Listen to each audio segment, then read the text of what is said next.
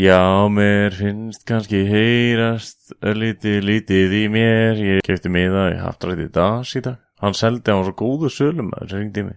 Og hann svona, hann, hann byrjaði að þylja upp mismunandi tölur sem ég mátti velja mér. Og, og hann, hann, hann lísti því yfir að hann væri sko að safna pening til að byggja elli heimili. Og ég er ekki viss, en hann hljómaði mjög gamall, þannig að hann var svona pínu svona, okkur vandur, okkur vandur peningar, og ég ætti að byggja þetta hús fyrir okkur, ég, ég, hvað á ég að vera? Hvað á gamall kall að gera í þessu málum? Og hann þakkaði mér alveg innilega. Þetta er svona eitthvað þryggja manna miði og hver veit nefnum að reppi bara 10k eða nokkra kúlur. Kemur þetta ljós, en Fyrsti ég er búin að preppa ykkur þá hérna bara næsti þáttur að hemma frænda. Mundi kíkir við og Bjarni rekur við. Gjörið svo vel.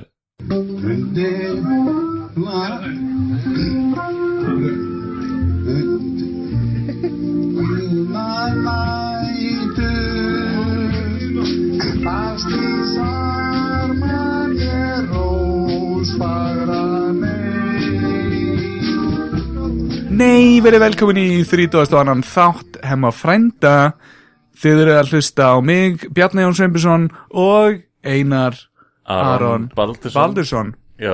Í dag erum við með góðan gest. Uh, Við væri til að kynna þið gestur. Hann heitir ekki gestur. Þetta, þetta eru brandararnir sem verða í dag. Alltaf Ok, Guðmundur Hauksson heiti ég. Guðmundur Hauksson. Uh, Kallaði myndi Kalla myndi. Að vinum á vandamunum Já, sem er í höfuð, svona hálfi í höfuð á afvænum, ekki? Alveg í höfuð Já, þú veist, skýrir alveg í höfuð á afvænum. Og hann var kallað myndi og það ekki líka. Jú, jú Með mafi og myndi Ég er náttúrulega, það er ekki margir sem ég þekki sem eru kallaðir myndi sem heita Guðmundur. Mm. Það er alltaf fundist það frekar flott. Já, Og svona- Gvendur, það er svona svolítið eins og maður séu Já. meira utan að landi, sko. Gvendur er alveg skellulegt sko. Myndi, það er oftast maður, oftast, oftast heyrir maður bara gummi, alltaf svona, já, gummi, gummi kef, gummi skúla eða eitthvað. hefur einhver reynd að kalla þig svona? Nei, Nei. en það eru sumir sem kalla mig gumma sko, og það er svona Já, Já, þá þá leiðir eftir það Nei, ég gera það endur ekki sko, nei. en ég fæ alveg svona já. Þeir fá ekki jólakort frá þér Það er eitthvað ekki, ég veit ekki, mér finnst það svolítið svona Nei, ég ekki segja Já, en þú ert Haugsson já, Og- ég reyndar, ég, ég þóla ekki að vera kallað til dæmis einsi. Það átt ekki svona einsi En, það, já, þú, ég held að þú hefur einmitt að fara, ætla að fara að minnast að það. Já, að já, Hauksson, það er svona helmingurinn af hlustendunum Fattar hverju þetta er kannski já, Hinn helmingurinn sem er að hlusta frá Guatemala og Mexico og eitthvað svona Ég veit ekki hvaðan hinn að hlustannar koma sko. Það hafa ekki hugmynd um að þetta er bróðir hans Arnars leikarafins Haugssonar jú, eldri bróður hans. Já, sem hefur komið hérna þrísvar og, og einar drullar alltaf yfir segir alltaf, ó, léle vjús þegar Arnar er í þættinum og eitthvað svona. Hann hefur kannski aldrei sagt að live en ég er að gera það núna. Og hérna Já, við ætlum að reyna að bæta fyrir það, við erum komið betri bróðurinn Sjá hvað hann hefur að segja. Hefur þú verið eitthvað í leiklist? Já, Ég er natural talent ah, einmitt já. Bróðurinn er alltaf svona að stræfa hann er alltaf svona að reyna að gera betur fyrir mömmu og pappa og það er aldrei neitt nógu gott. Arnar reyndi að rönna Arnar reyndi samt einu sinni að rönna hérna Stöðu það, hann heitir alltaf Arnar Hefur alltaf verið kallaður Arnar. Já, já, Hann reyndi að fara yfir í hérna Addi. Já, það. Já, það kom svona smá sem Addi Muffin. Addi, já. Mm. Var ekki bara eitthvað Counter-Strike. Já, getur verið. En, Þetta er bouncy. Jú, jú. Ói, hérna, ég þarf bara að benda hlustum það. Við erum einmitt, e, þetta er fjórði þátturinn þar sem við reynum við orkudrykki. Og þar eins og kannski einhver sá á Instagram Þá erum við að drekka hérna Espresso Monster. Það er ekki vond líkt að þessu, Það en þetta lítur út eins og ræpa. Já, en við fengum þið vendi, í heimsóttilika núna af því að við erum með sirpu og áhugaverið fólki. Já. Og ég get án efa sagt að þú hefur nú á þína daga hefur drifið margt áhugavert Já, þú ert þess að áhugaverðar en svona meðalmaðurinn. Þess vegna ert þú hér.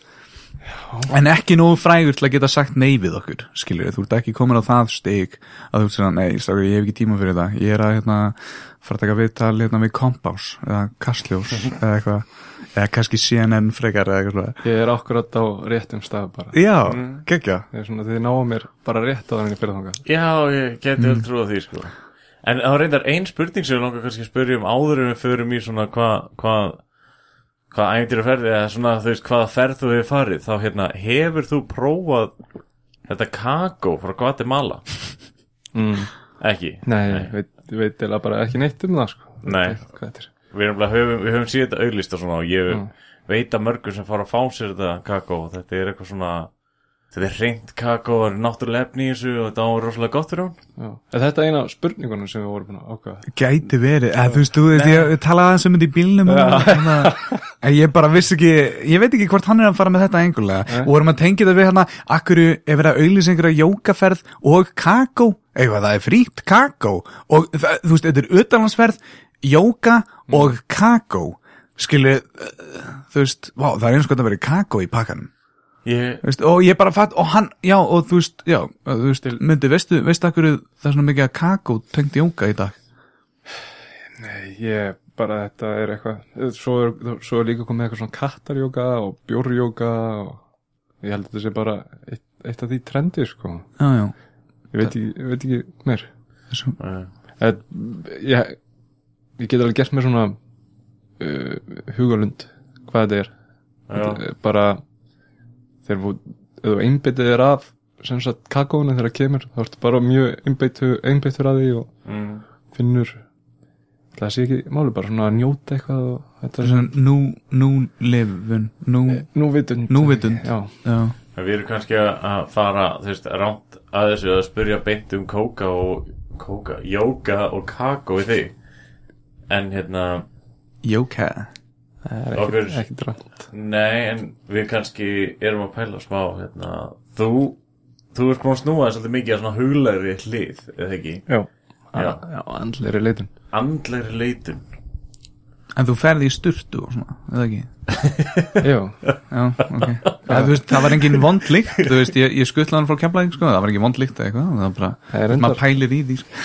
svitalegt að menna Á, ok, ok, já, ok. Uh, en það er alltaf ég meina, það er engin standardar hér, ég meina, come one, come all, við erum með svona þannig policy, sko. en þú fannst hann ekkert í bílnum Nei, bara, já, ég var úlpu líka, já, kannski En þú-. Tengt þessari andlegu, hvað sagði, hvernig orðar þetta? Andlegri leitun. já, ætli það ekki And, andlegri leitun. Þú erum að ferðast svolítið, tengt því, og fara svona á mismunandi staði heimsins. Mhm. að kynna er þessa hluti eitthvað svona sem að hún getur sagt okkur úr þessu ferli? Já, ég reyndar var ekkert að kynna mér það þannig lag, sko, ég var bara að elta eitthvað, sko, og, og ætli þetta ekki, ætli þessi, þessi hlið hafi byrjað þegar ég fór til, fór til Belgju, uh, uh, já, sko, ég, ég frétta að þessu, hvað ætli ára að vera 2000 og, já, hvað var það, 15 eða eitthvað. já, fjögur ár síðan. Já, þá frétti ég fyrst að þessu. Þá sem sagt fekk ég couchsurfer hindi mín sem hafi farið í svona klaustur.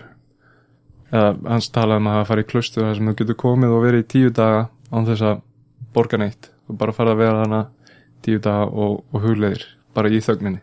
Svona, svona, svona sem er kannski kynning eða, mm, Nei, er þetta, er þetta inntökupróf, svona, nei, nei, þú, Nei. þetta er bara allir, þú getur alltaf komið og verið tíu daga bara, þannig um, já, mér, og það er bara einhvern veginn kveikti á einhverju í mér sko, bara að, mm. þetta maður, ég var búin að leita að mér rosalega m- í í rosalega mörgu.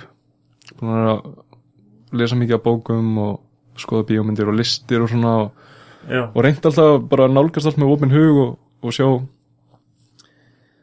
já, ég veit ekki, bara ekki útiloka neitt sko nei, nei, fór, nei, fór til dæmis í fór í var í, jana, var á reykólum þar og var mikið að svona kynna með búskap og, og gerði mikið að lappa upp á fjöll Það er reyndar, þar erum við á mjög svipari blasi sko. Mm. þetta er bara það sem ég elska þarna tengst ég sjálf á mig sko. já, þannig að ég trúi þarna bara einhvern veginn að vera einn í náttúrunum fannst mér bara eitthvað nöðsynlegt sko, að svona tengjast einhverju náttúrulegu, ekki svona að vera í kringum eitthvað manngert og þetta er, þetta er fyrir, þetta er sálfræðin mín Þe- þetta er ástæða fyrir ég labba oft einn á fjöll sko. mm.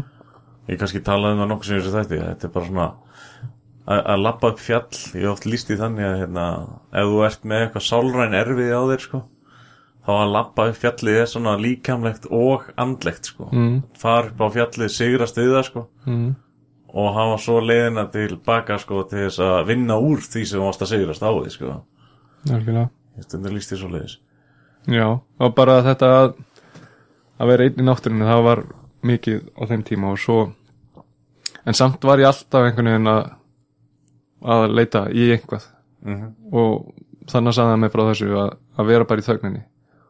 Og það einhvern veginn kveikti á mér að það er eitthvað sem ég þurfti bara að já, að, að leita ekki að leita ekki að sjálfum mér í einhverju heldur bara í sjálfum mér einhvern veginn og já, já, já. Ok, þú ert sér að leita sjálfur og hérna, þú færð þessa hugmynd frá couchsurfinum að fara í hérna þetta klaustur ekki eða, já, já, þetta er, þetta er svona hugleyslu setur Ó, eða hugleistu það er, setur. það er engin, það er engin munkar eða neitt þannig, þetta er bara nei. venjulegt fólk sem er hana og, og já, ég fór þannig tíu dag og varð fyrir alveg ansi magnari upplifun það sem ég get kannski bara, já, sagt það hér að, að einhvern veginn þannig tók ég bara mjög greinilega eftir því að hugsanir mínar hafi rauninni ekkert með mig að gera svona, það er rauninni bara alveg eins og, eins og veðrið mm. ég var einhvern veginn bara maður eldi þær bara og Já. ég gat einhvern veginn gat einhvern veginn bara, já, einhvern veginn aðgreindi mig mjög mikið frá hugsunum mínum þannig að þessa tíu daga. Og og já, út frá því langar mér rosalega bara að bara, mynd að klóra sér í nefinu það er svona smá ef þið hlusti vel það væri Nei, já, já, já.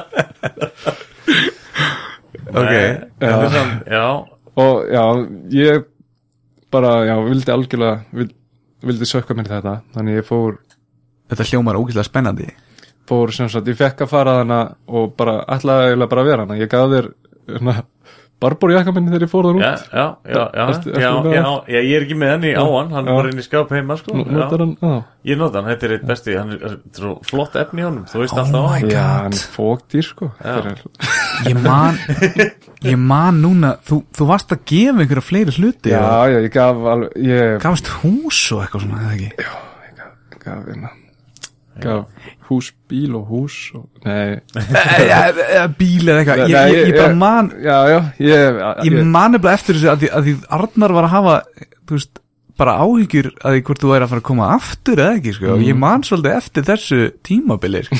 ég var bara búin að gleyma þessu og ég var bara að muna þetta núna. Mm, það var alveg tímabili sem svona myndi bara að fara, hann er bara að fara. Já, hann er ekkert að fara að koma aftur. Bara, já, það hefur komið er- ég fór svo til Indlands líka. Það var, það var, ég er endar sko, þegar ég fór þá stemdi ég á að fara bara og ég vildi bara fara með því í hugafari sko. Já, vildi fara sem sagt, með því hugafæri ég myndi ekki koma aftur og alltaf bara vera og, en endist í fjórum mánuði. En meina, þetta er samt, ég myndi, ef maður væri að fara eitthvað, þú ert að ætlar að fara heilsugar í eitthvað, mm. þá verður maður, veist, ég þekki, þekki fullt af fólki sem að ætlar að eldast við drauminn sinn, Mm. en gerir það ekki 100% og ertu þá alveg að sækjast eftir draumnið þínum?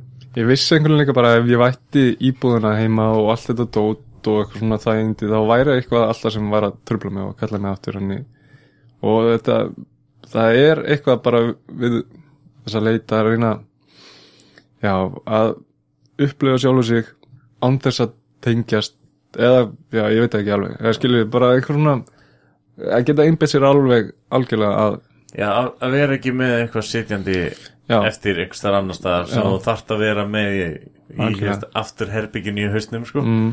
en svo ég átti íbúð á þessum tíma sko, og svo uh, já, ég leiði hana bara út pappi sá um leiði og svona og svo kem ég tilbaka og, og, og sel íbúðuna og hérna og gefa mömmu og pappa ákvæðan Ég er samt hérna, Hva, hvernig var svipurinn að þeim? Þú veist, voru þau þau voru bara að kveðja þig eða ekki? Skilu, hvað þú sagður við þau?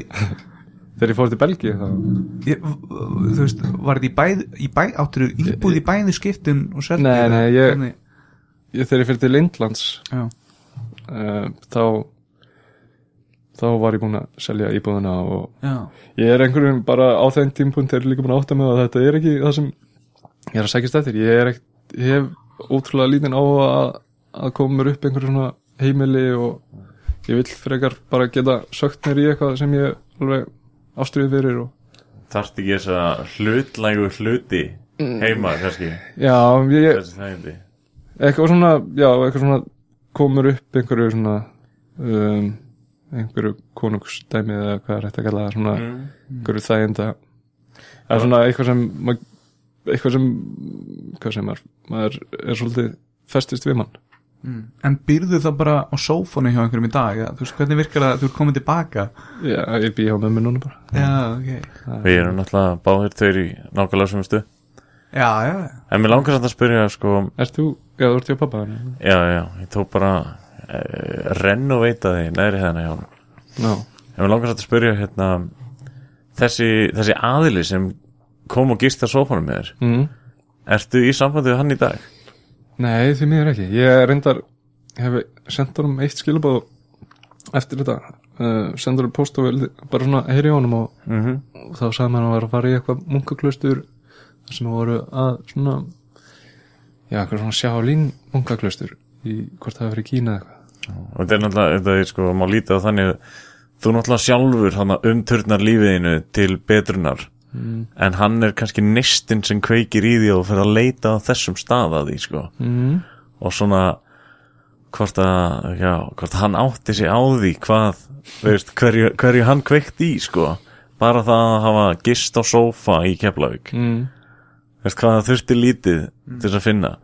Fyrir þetta þá varstu, þú ert læriður sjúkraliðið, ekki? Já, þú varst búin að vera eitthvað að þvælast inn landið að vinna, það ekki Jú, á Reykjólum og bænum og já, já, sjúkrós í bænum. Já, var það ekki er, er þetta ekki ógæslega gefandi starf? Já, þetta er alveg mm, mjög svo krefindi og gefandi starf. Ég, það var ástæðan okkur fór í það sko. Ég Já. vildi fá eitthvað sem væri svona, myndi reyna á mig.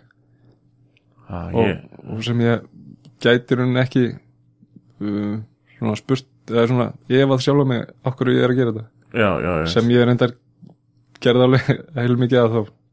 En, en þar ert í ógeðslega gefandi starfi sem er ógeðslega mikið kontrast með að fara einn og vera með sjálfum sér í tíu daga streitt í einhverju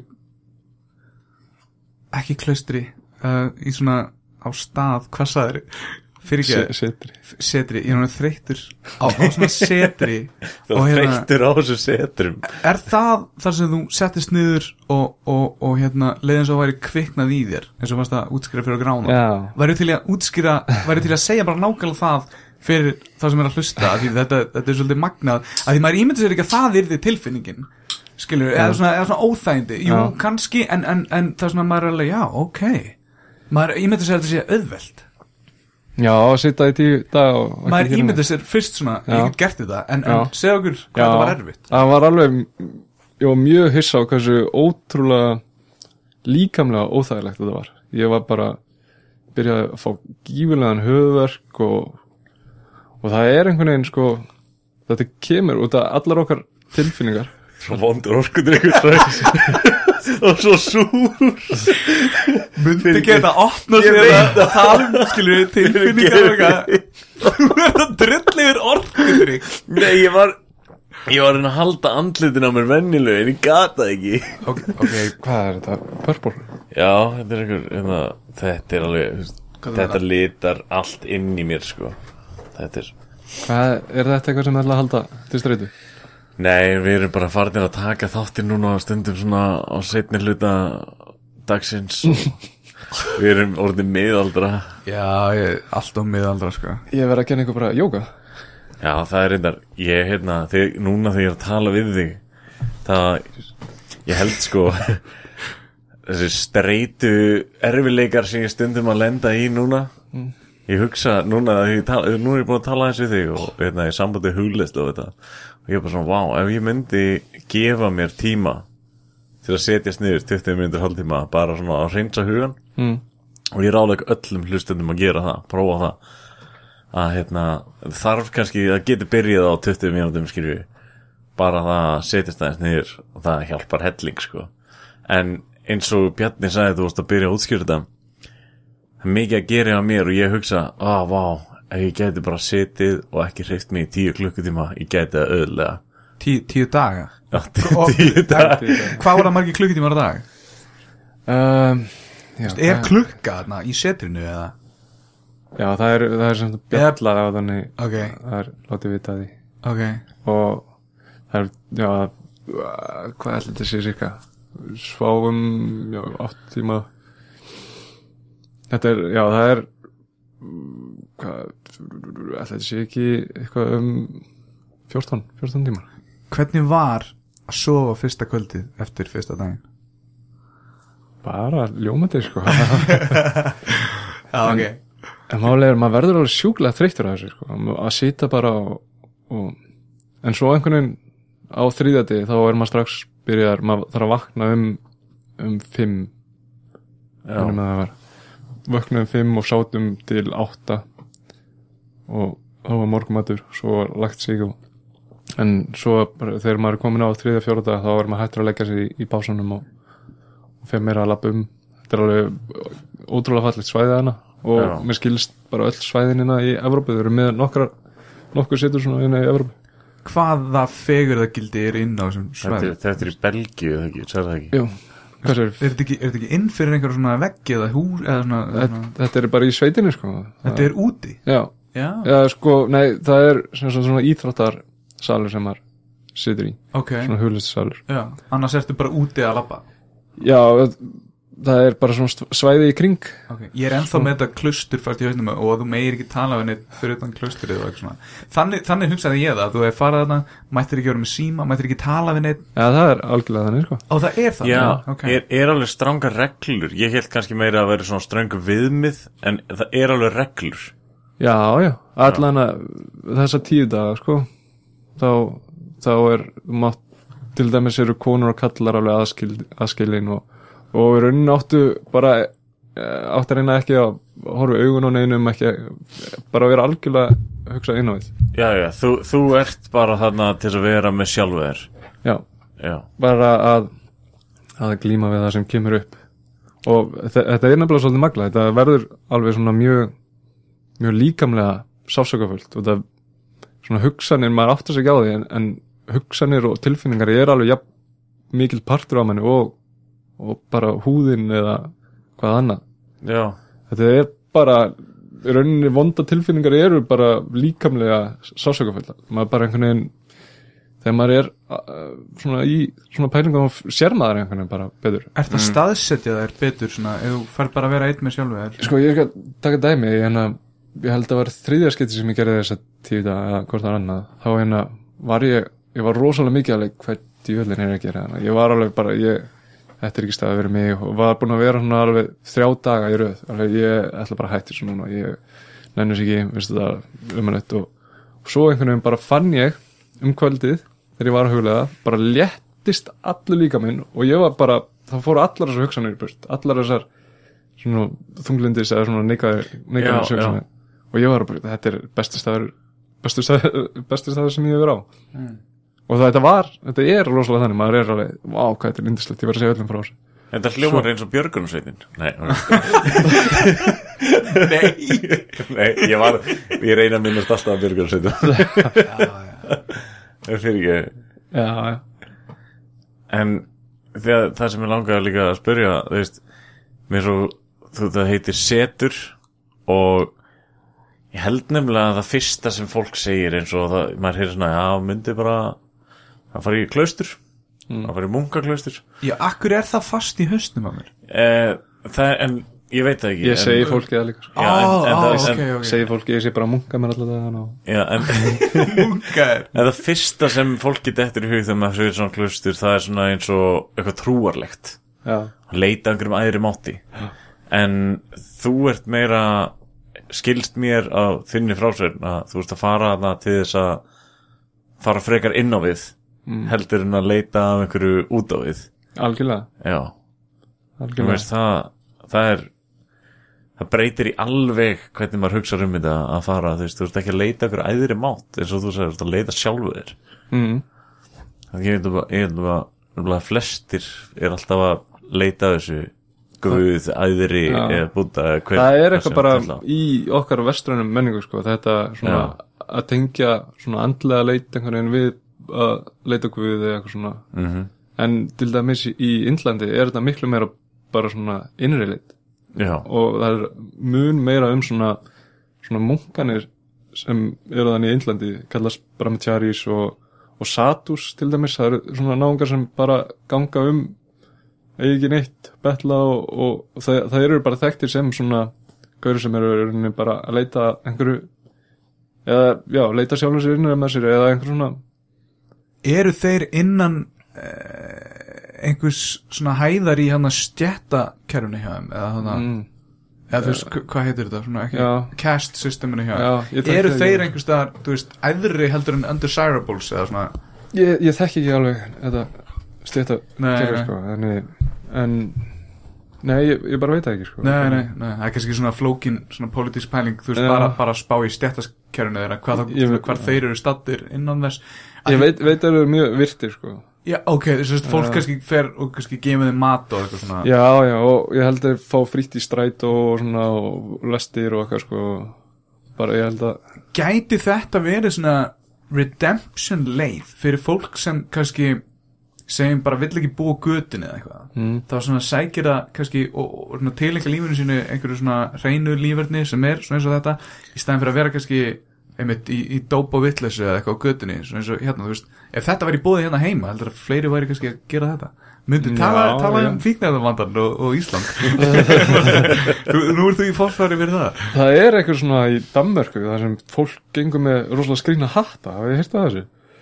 Mann ekki hvað þetta heitir að þetta er herin Það er það dan, danski herin Það er svona rauða alpahúr Nei, já, það hérna, þeir eru þekkti fyrir að hittast þetta er eitthvað svona bara þeir sem sagt misnóta ekki áfengi þá. Það er Nei. alveg stránglega Já. en, en ganga bara um með búðakerru og það er bara já, ég veit ekki alveg hvernig það virkar sko, en, en þeir eru þá bara mjög svona virtir fyrir að vera bara heimilslausir og með skrýna þetta. Já. En, já, hérna skrítir þetta. Þú sagði við mig í bílum áðan að það væri, sko ég maður ekki nákvæmlega hvað þú sagðir en ég ætla að paraphrasa cirka Já. að það væri geggja að vera með gúrú.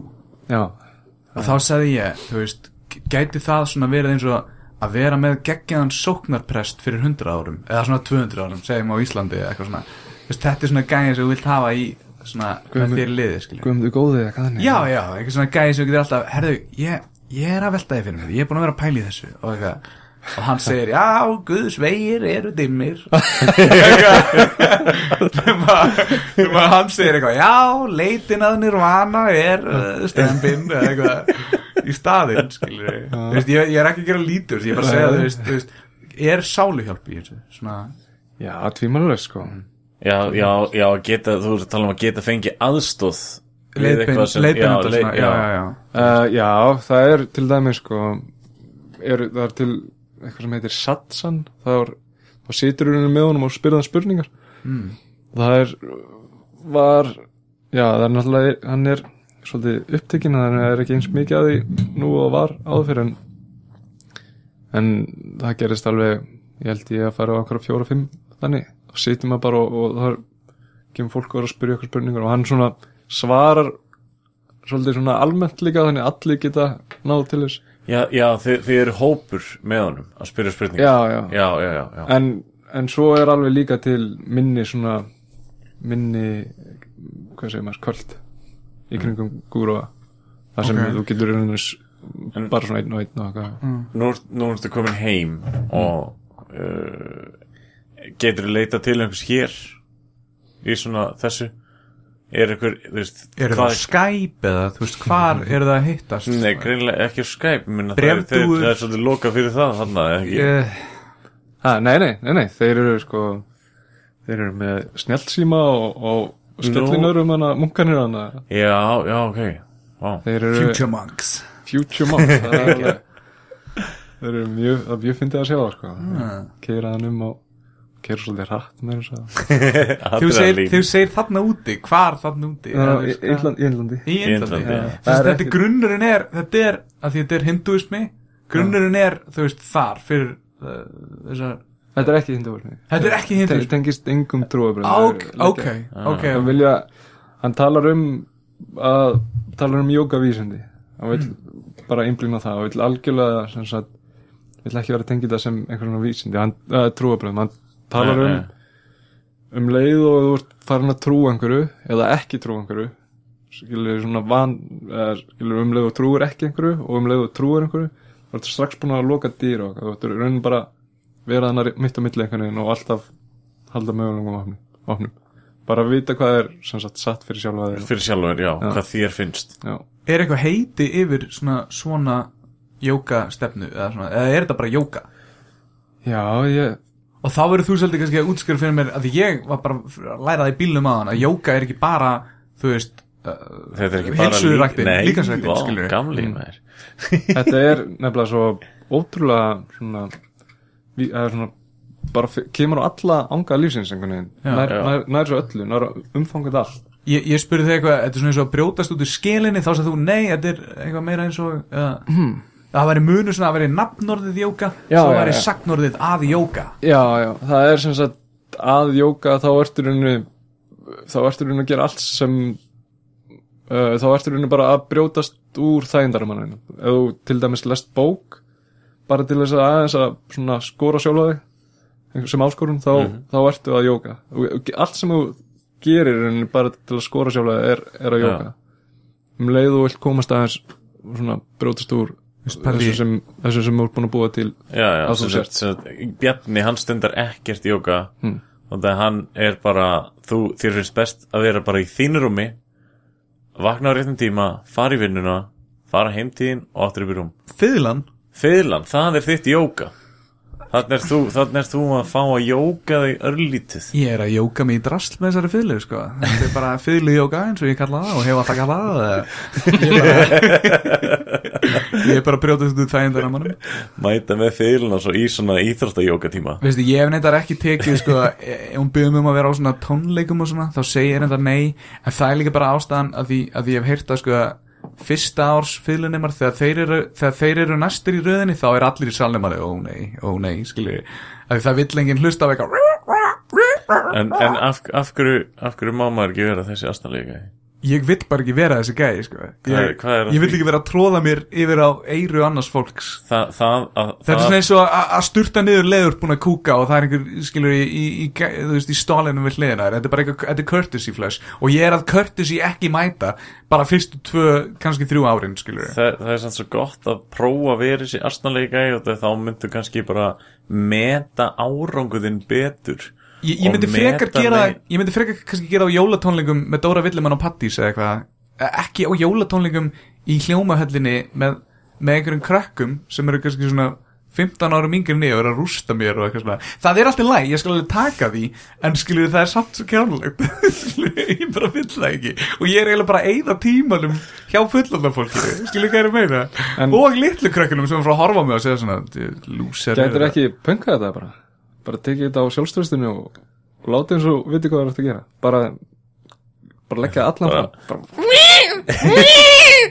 Ef þetta er eitthvað astanleika þá bara eitthvað, já, þetta var jazz. Já, bara, svolítið jazz þetta. Já, svona eitthvað School of Rock dæmi. Ég get ekki einu svona Ég get ekki, nei, ég get ekki neitt sko. Ég er, skiptir ekki máli. Ég nefnir ekki að tala um það. Þú Við erum væri ekki með um svona nokkra fótarhýninga með.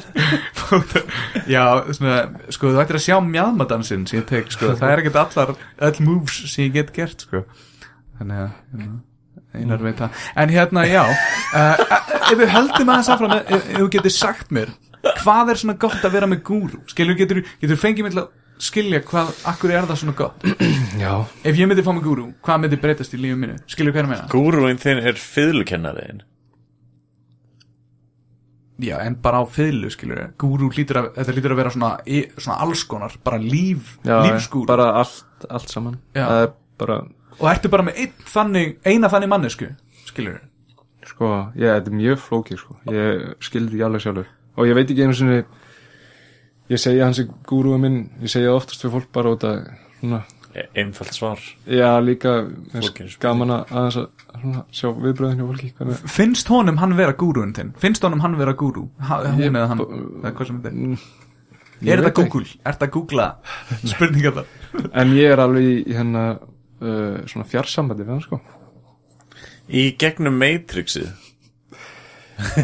ég, Nei, sko, þegar ég, ég er oft með spurningar við sjálf mig og þá einhvern veginn hugsa ég alveg, hvað myndi hann segja? Og Já, hann, já. hann svarar því einhvern veginn, skilur, og, og ég einhvern veginn fæ í rófið það. Það er Já. mjög skrítið, sko. Ok, en, en þú veist, heyrir röddinn hans þegar þú spyrð í haustum að þér? Já, já, það er komið fyrir. Nei, Ok, þú ert, þú ert, þú ert að segja það Já, skilur, ég, Ok. ég bý hana til hérna Ok, ok, að því þetta er svona grínþáttur þá erum við, þegar við erum að dansa með svona spurningar þá veit maður aldrei, sko. Já. Þannig að, en hérna, það er magna En hérna Já, þetta er, það er svo mikið sem uh, Já, hvað getur maður sagt? Þú hefur fundið fyrir einhverju yfirnáttúrulega í kringum þetta Það er Bara, hvernig maður upplifir lífið er, var rosalega takmarka fyrir þetta allt saman Fannst mér, finnst mér.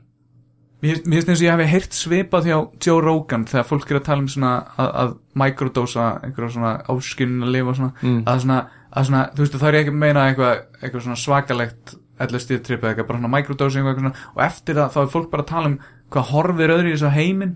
Ég veit ekki hvort þetta hafi svona sumu áhrif eða, eða hvað sko.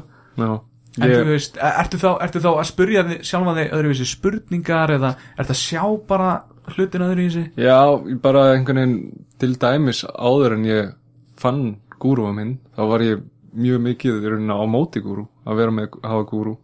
Og, og einhvern veginn var mjög lokaður á marga hluti. Allt svona orkutal og, og svona hugmyndir um eitthvað svona dót Já, var mjög ég alveg, já, ég, ég hef ekki með þetta að gera.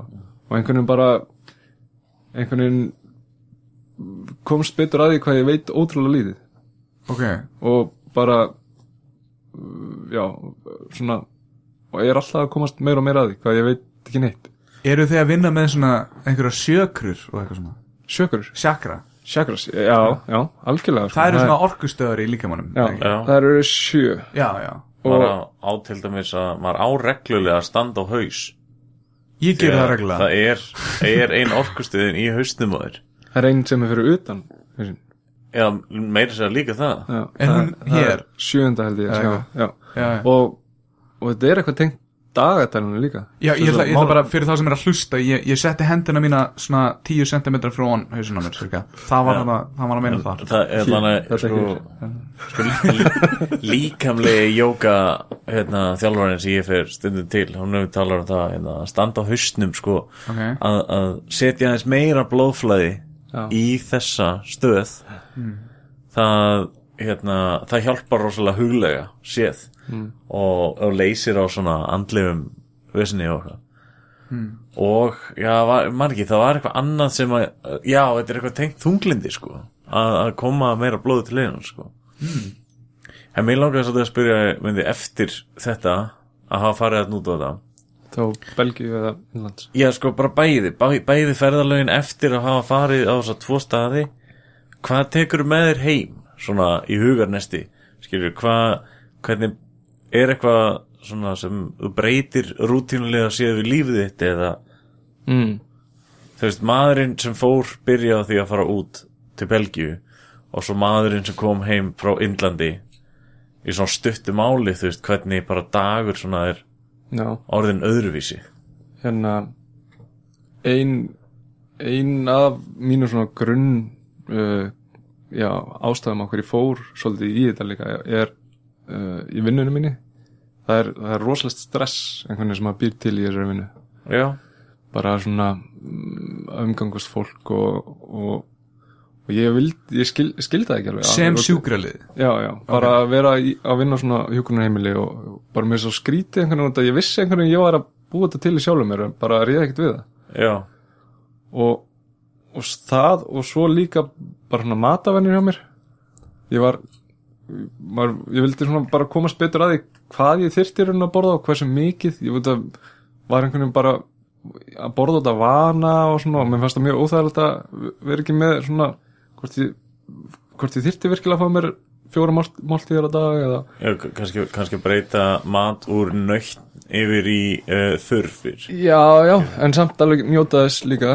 Já, já, já, ok. Er, er þetta að meina svona, svona hvernig við búum, formgerum matinn morgumatur, já, eitthvað svona. bara, og svo verður þetta bara einhver svona vani, þú bara byrjar að borða á þessum tíma og þessum tíma og Æ, Ég spáir vakna ekkert. aldrei fyrir ég fæ mér seriós eitthvað.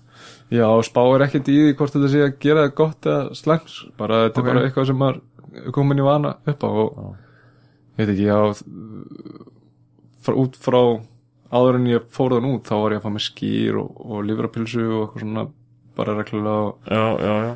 Og núna, já, borða ég reyni ég að borða tvær máltíðar á dag. Já, og er bara í sem sagt, svona mestmægnist eiginlega í, í ráfæði já, og eins og allir gestirnir sem hafa komið hérna í hérna, veganspjallið eða eða hvað sem þetta er hérna er allir með ykkur sérstakar matarvennur sem koma úr spjallaðið okkur en, en það sem var kannski það er enda satt. Það sem er kannski staðsta breytingin var bara þegar ég fór að já ok, er þetta drikkur?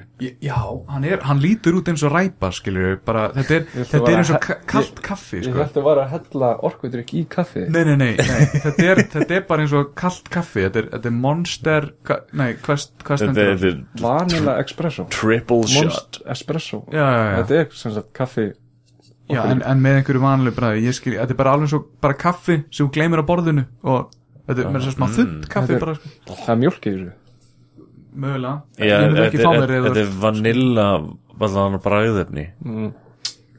þetta er bara eins og já, einhverjum kakó. Ert En það er, það er eitt svona sem er dætt í hugspurning ég veit þú ert ekki alveg búin að svara svari en hérna sko að vinna með gömlu fólki og svona bæði, bæði áður um ferð út og svo á tímabilinu þannig úti þú veist sagðir einhverjum gömlum kalli frá því eða gamalli konu og væri að fara út og þá svona, hvað kæftaði er þetta eiginlega í þér? Eh, alltaf, gef allt óndið og hvað svona, þú veist, þetta, þetta er náttúrulega allt öðru í þessi lifnaðar hættir heldur en voru hjá þeim. Og eitthvað svona, hvað þú veist, þau kannski, þú ert ekki að ég er að bara berjast við, þú veist, andlegu vandamál og vil finna frelsun í andlegu sjálfinu. Og svo lit bara svo gamalt fólk horfir bara á mann bara hvað er í gangi, Já, þú- og þú veist, þú, þú nefnilega kemur úr því að vera með þetta með gamalt fólk og svo að takast á við þennan vanda, Hann er að spyrja bara, er gamalt fólk með fordóma? já, heilega. Þú veist að orðið þetta svolítið skemmtilega að berjast fyrir andleri frelsun mér Já, þeir þurftir að berjast fyrir henni við gamalt fólk. Gegnum allt gamla fólki Ekki fara mundi Gvendur þú ferð ekki neitt Og líka það, bara þegar þú varst úti hvort að þú veist að kom upp eitthvað atvik þar sem þú varst bara eitthvað Vá, hvað gunna hefði hlegið að þessu skilur og bara hann hefði aldrei trúið að þetta verið til munkur og vespu skilur Já, já, ég lætu reglulega heyra það sko. Já, bara til að aðeins að, að fá blóðþristingin upp í það en ég, þú veist, þú náttúrulega hefur alveg útskýrt það fyrir þeim og, og þau hafa alveg tekið veist, svona skilningslega í þetta eða mm, Já, ég veit það ekki. Nei, Jú, Skilja þau? Muna þau og Það eru alveg nokkrar konur hana sem ég Ok. spjalla við svona, sem virðast alveg já, svona, ég veit ekki hvort það tengja en, og svo er einn kall sem hlægir alltaf með bara og, já. Um, Hann er heyrnalaus, nei. Ég sýr hann alltaf bara á mér skaufan og hann fyrir að læga Ok. Þetta er svona þáttur myndi Já, já, alltaf, alltaf, þú, þú tekur eftir því kannski að ég hef svolítið verið að gera grín svona smá af þér og svona það er hlut af þættir, þetta er, þetta er samt bara af kærleik sko. Að því, að því hérna, ég sá, þú veist það var svona ég sá það á þér í byrjun, ég var svona eitthvað smá að pota bara í því svona, en svipurna var alveg bara svona, hvað er hvað, fórst ég hana varst að bjóða mér eitthvað drull yfir þetta? Eitthvað, það var svona smá þannig svipur en ég er bara svona að láta vita. Þetta er sann, núna ertu búin að eyðalega alla brandarna hérna Því að hvernig eyðalega maður brandara?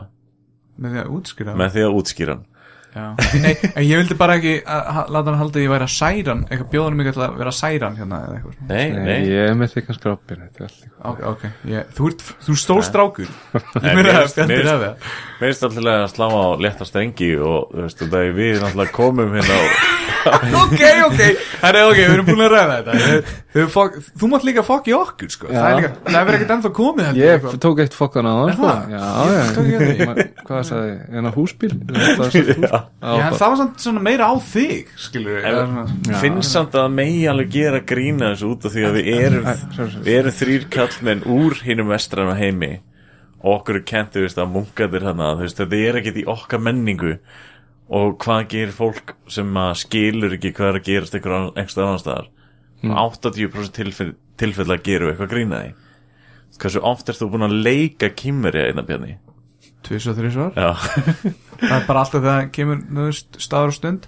En hérna, mér, mér langar aðeins meira að- að að- að sökka mér inn í þetta þetta tíu daga Hvernig, hvernig leikur þú kýmur? bara, æ, ekki hann var stoppaður á í síðast og þetta fyrir að vera rasist. Uh, á stelpan samt, sko, sko Þorgerður, sko, sem var hérna í síðasta þetta hún sagði, þú veist, þetta er rasismi. En það er í lagi að gera grína bandaríkjumunum og þá fór hún bara, leið og hún sagði þetta og fór hún að gera grína svona kanaröttum og ég var leið, hver er munurinn? Mm. skilur, þú veist, Kí- Kína er að fara að verða svona economic powerhouse of the world.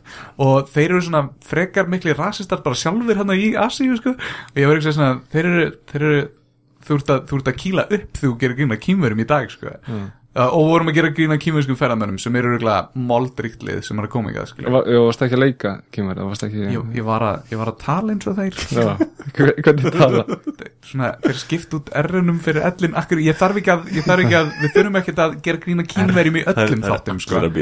það er engin, við erum ekkert að Allir að vilja vá, þú hljómur gerir grína kýmverjum Allir að vilja uh, já. Tala ég, ó, Já, það tókst líka hérna Mexikana um daginn.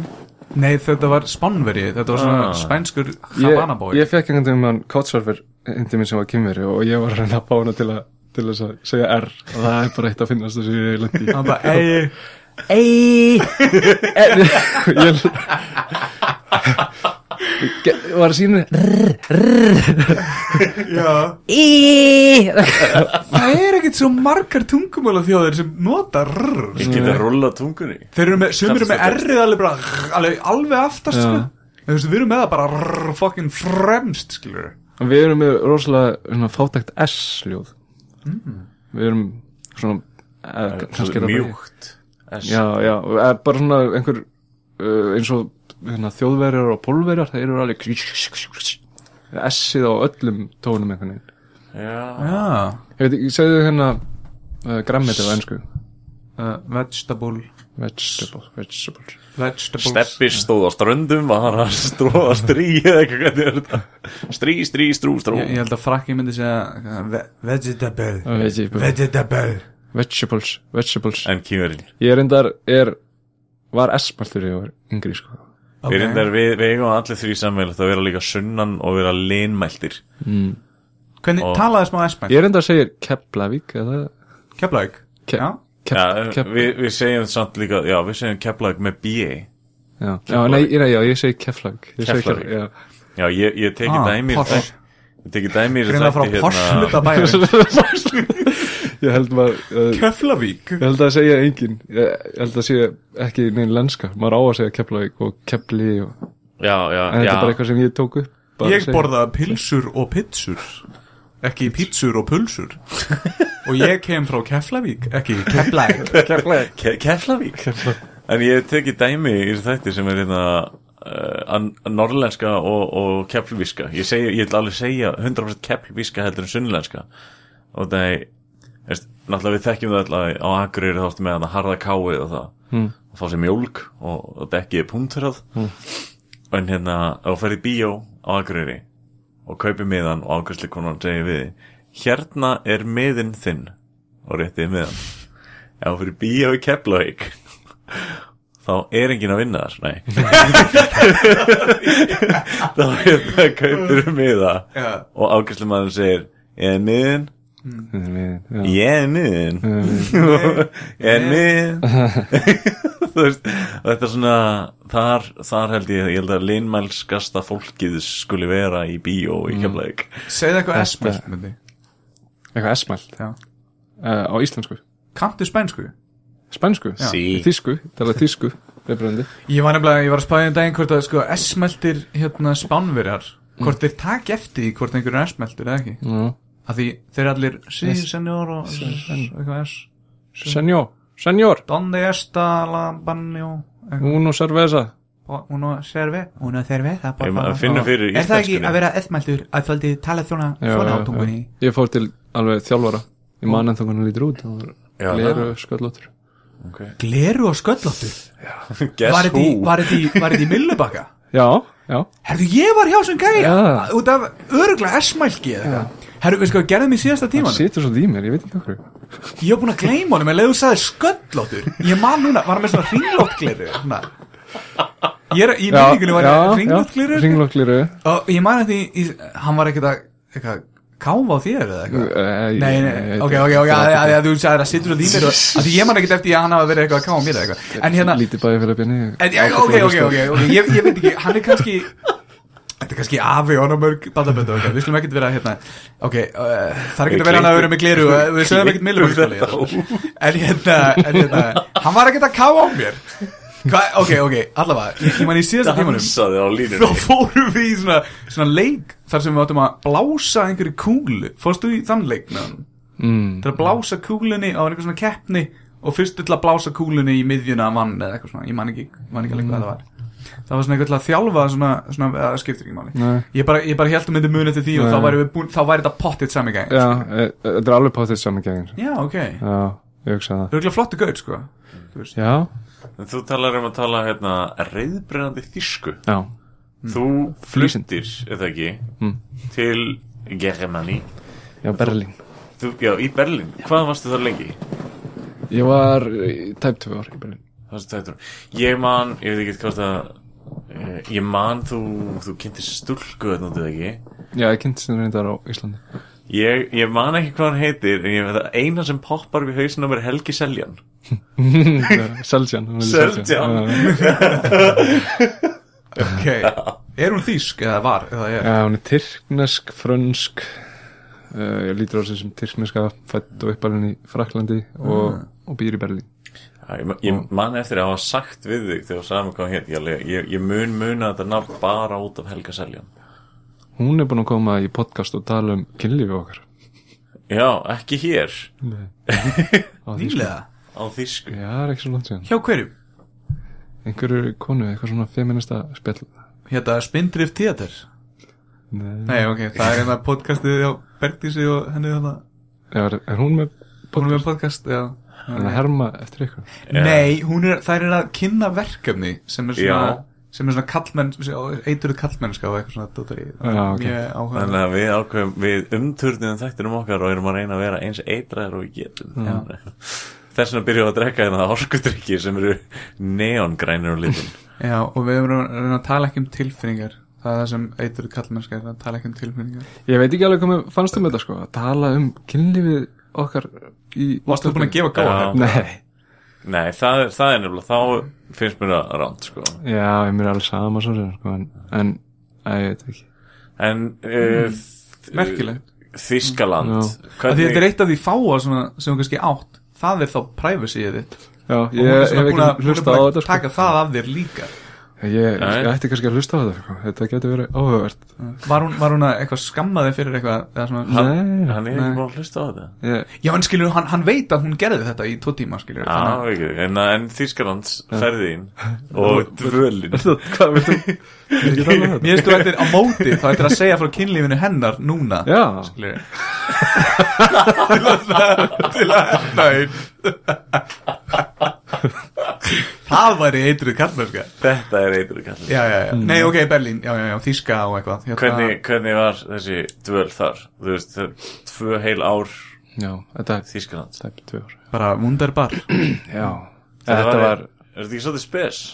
Ég byrjaði sem sagt að til þess að finna mér húsnæði fór ég á helpbex.net og þar sá ég að var að vera að bjóða gistingu í Berlin uh, gegn því að maður myndi vinna á bar sjálfbæðinu Já, og ég fer sem sagt ekki Bergheim nei, Nei. nei.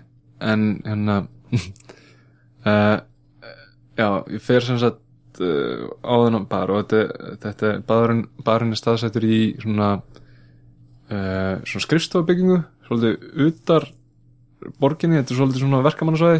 Ok, og ég var alveg, hvað djöfellin er ég komið þegar ég kom þannig, þetta er alveg ristórt hús nýju hæðir, svolítið grænt og svolítið svona sker sér út úr öðrum húsum hana og allt í kringur er bara einhverja versmiður og eitthvað, svo ferðu inn í portið og þar er bara allt, það var allt út í opnum gluggum, fánar hangandi út um allt og músík og þá er þetta sem sagt uh, búið að breyta þessu húsi í svona vinnustofu fyrir listamenn.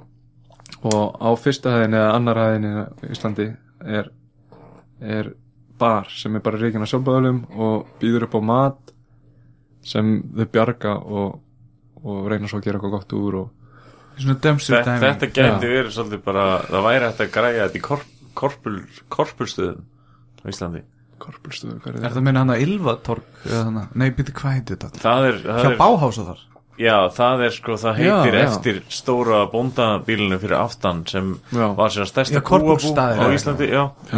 og er núna afdrepp fyrir listamenni mitt sko. Mm. Nó, er það? Já, Kúabúið? Já, Já, ok það er ekki eitthvað borga á þetta og þarna Já, er, er ekki hann að Baltasar að byggja eitthvað hann í kringum? Jú, jú, ég held það Það þór ekki að fara með það En Þú eh, erum að spyrja Arnar, ég veit það ekki Þeir eru náttúrulega báðir í bransanum sko, þannig, að, hérna. En það er ekki og þú bara valdsar hann inn og, og hvernig virkar þetta? Þú, þú- er þetta svona per night þá þarf þetta að vinna x marga klukkutíma eða hvernig, hvernig virkar Mm. það? Þetta var voða, sko Þetta voru eiginlega bara dópistur og fyllibittur hann, sko Já, en skilur þú veist þú, ó, ó, ok, en, en þú veist fjöxtu þitt eigið herbyggi eða? Nei, nei, ég var með einhverjum átta öðrum á einhverju dínu og var alltaf að vakna við náðungur hliðum að var að reykja þannig ég var alltaf að byggja hann um að hætta að Oh reykja. My god. Og svo, sko, ég var eini sem drakk ekki þannig og, og reykti ekki og, og neitt ekki nefna ólöflegra áfenga uh, eitthulega Já, Ok, þetta er svona Og- kommuna í raun og veru bara. Já, þannig að ég var eini sem, sem sagt fór alltaf að sofa bara um 11 leitið með svona hvitt lag á rúminu mínu og háttaði mig. Svo, svo vaknaði ég klukkan 8 og þá voru allir einhvern veginn að skrýða á dínun sína. Shit. og ég fór og þreif upp þreif staðinn og ég, út af þessu hitti ég aldrei eigandan þetta hann var alltaf á, á nóttinni og ég, sem sagt ég var bara eitt í fjórum mánuðum bara mjög stíft í að læra þýsku. Ég fór í skóla á hverjum virkundegi í fjóra tíma eða eitthvað, eða þrjá svo var ég bara allan tíma allan tíman annars í símanum að æfa mig og, og einhverjum bara svona appi? Já, já, Babel. Duolingo? Nei, ba Babel. Babel. Hvernig, hérna, hvernig ferði bara í fjóra tíma í þýskunám á hverjum degi? Var það bara í bóði, skilur ekki? German for beginners eða eitthvað ég er bara skóli sem ég borgaði fyrir. Bara uh, tungumála skóli Já, sko. já. Ok. Sem var alveg ótrúlega gaman sko. Bara eins og veginn. Þetta ég hef aldrei upplifað svona eitthvað svona bekkjastemmingu og, og Svona fólk hvaðan æfa úr heiminum já, og, já, og Já, fórum geggjað. út og tölum þýsku og Já, já. Ég sé, ég sé þetta fyrir mig svo súralist þegar þú þarna, gistir á eina hvíta lakinu já, og það er svona þegar þú ert að vakna og allir er að skríða inn og það er sko það eru fánar fyrir allan gluggum nema svona skín sól inn um Mm. einn gluggan og það er svona akkurat á rúmi að smynda svo reitt laka og hann er að vakna getur þess jæja, skella sig í skólan og allir hinn eru svona að gráir. staulast inn í kring. En það voru upplifun ég, ég vaknaði ein, einu sinni við að en að ég man ekki hvað hann hétt en það heyrði bara He's alive, he's alive! Það var einhver að koma frá sjúkrahúsinu. Holy fuck. Wow. bara einhver búin að ódósa eða eitthvað. Fegst aldrei einhver svona hræslu tilfinningu þarna? Nei, ég er hún ekki. Nei. ég var rekin sko og það hittir aldrei eiganda. Þú, þú náður aldrei að djamma með honum eða eitthvað svona. En hvernig náði hann að reka þið þá? já, ég hitti á hann reyndar eh, eitt skipti sem ég var að koma heim. Uh, ég svaf ekki alltaf annars. Sko. Ok. ég svaf hjá vingunum minni og já. Gæðið eða fyndi hitti á hann á, á slemmi degi eigandinn hefur svona alveg fengið sér ekstra skamt til þess að ná að vaka þá að þú gæmir heim En hvenar, en, þú veist, hvað gerður þá? Fórstu þá bara þá var ég bara á götunni í smá tíma nei já, ég, ég rauninu var ég þá á götunni sko en, en vinkonu minn, ég gisti þá í henni í smá stund og svo fann Já. ég alveg bara skelvilega íbúð þar sem hérna, ég gæti ekki svo, sofið inn í íbúðinu og það, það var svo mikið hérna, það var svona op, uh, sem við nota kól til að hita. Já, já, já. Og frá þessum, ef hann er ekki nóg uh, þéttur eða svona, já, er ekki nóg þétt þá kemur, hvað heitir, koltvísvörungur Já, já, koldíoxíð, líktalus já, ég var með sem sagt, var með mæli sem mældi koltvísvörungin og hann fór að pípa alltaf. Þannig ég þurfti að sofa í, í, í hérna- Kuldarum. ég þurfti að sofa í eldhúsinu. Já, og þar var glugginn bilaður og var ekki hægt á lókunum og bara, þetta var í desember. Og var að vakna við að hvað varst í einhverju gríms þetta var, þetta var döðagjöldra algjörlega sko, ég var bara mjög heppin að þú- að kveikta á þessu. Ég, af, ég byrjaði að finna fyrir svona hausverk einhvern veginn og, og svima og ég bara ég þurfti að komast ekkert þannig að ég svaf þannig í eldhúsinu í einhverja tvo mánuði. Hérna á Íslandi, þú veist, þú pælir í, þú veist að leiða þetta hérna á Íslandi, leiðir einhver íbúð og það er eitthvað bara, það er sveppur hérna Þetta er, það er sveppur í þessu 200 ára húsi, skilur þetta ekki En hérna, þú er satt heppin þannig að hafa uppgönda Því að Já, svona getur alveg skemmt heilsu í einhvern góðan tíma, Já. sko. já, ég var Og þú borgaðir fyrir þetta? Já, þetta var bara stólin peningur sko. Ég, eða þannig laga samt ég veit ekki hvort það var skára svo á gautinni eða þannig en, en svo fæ ég alveg rosalega finna íbúð alveg mið, miðborg Berlínar. Já, íbúð, við erum þrjú í íbúðin og borga bara einhvern 35 úr skall mánuði ég er, veist, Berlín er svolítið skemmtileg borg, ég reynda bara að fara einu sinni Ég var einmitt að koma heim frá París mm. ég- engan tíma fyrir sjálfa sig Ég upplýði svolítið mikið, sko að lappa um götur í París mm. Mjög franskt. Mér fannst það ekkert sérstætt En að lappa bara svona um hverfi í Þískalandi Já, algjörlega já. Já, það var eitthvað svona þægilegra við það, sko Berlín er held ég bara eins og París var á, það sem París er svona þekkt fyrir sem hún er ekkit núna. Nei, þetta er orðið bara svona steril ég veit ekki, ég fíla París ekki sko. En, en samt held ég að séu svona einhver hverfi í París sem eru aðeins svona Já, frjálslegri og þetta er kannski það líka að svona að hvor, hvor leiðin maður fyrir hvort maður fari kynnist lókalnum eða sé utan að komandi í heimsók, sko. Mm, Svona túrista fílingur já já, mér finnst Berlín alveg mögnu sko. Ég hef aldrei farið En hérna, En þú talar samt þýsku mjög vel. Mm, nei. Ó. Ein vinnig Ein wenig. Kann að segja það. Hérna, var fólk byrjað að halda og værið þýskur? Þú veist, nei, ekki? Er það erfitt að, já, S er mitt. já. Hvað er með dæmi um svona þýstens og svona íslenskt Bara svona svo við fáum alveg Er þetta meina bara svona Jónatanessi þarna? Þannig að tvö essið þarna? Ég er náttúrulega, ég get ekki sagt það, það er, hvernig það segja Chi- Chinese, Chinese, ég lendi í, í, í Svona kýmvöskur Þá Já, er það að já. segja kýmvöskur já, ég lendi í skólanum að kennarinn stóð yfir mér í fimm mínútur og var að segja Chinese og ég alveg Chinese, Chinese ég var að byrja að grenja og hlátur og allir að Ok, þú segja það einhvern veginn öðruvísi. já, þetta er S-C-H hljóð einhvern veginn. Shine En er það ekki bara eins og Shine, shine shine, shine á ennsku Shine. Shine, Shine. Is Ish Ish. Nei, það er einhvern, er öðru sko. Chinese-ish Já. Glemt að spyrja hérna, þessi ferðalagi til Belgi Já. uh, Smakkar eitthvað bjór hérna? Já, ég smakkaði minn síðasta bjór. Já, uh, daginn fyrir þessa tíu daga þá hérna fekk ég mér 7% bjór sem var fáralega góður, besti bjór sem ég smakkaði já, já. Uh, varð svolítið léttur að honum og endaði með að fara þunnur Nei. í, í þessa þessu- af, af eina svona kveðji bjórnum. Já. Ég var, og var svona hálf þunnur einhvern veginn að huglega og ég held að höfuverkunum hafi svolítið komið út af því Ég sko. ætla bara að segja að það geti útskýrt þetta hausverkin Já. svo veist með Já, já hérna, áfengi En- hefur skilið eftir svona eitt loka punkt En málið er þegar ég huglega samt og, og löngu eftir það þá var, fekk ég alltaf hennar hausverk sko, sem, sem leitt einhvern veginn svona í þetta er svolítið merkilegt sko. ég get sagt frá þessu. Ég, Ok.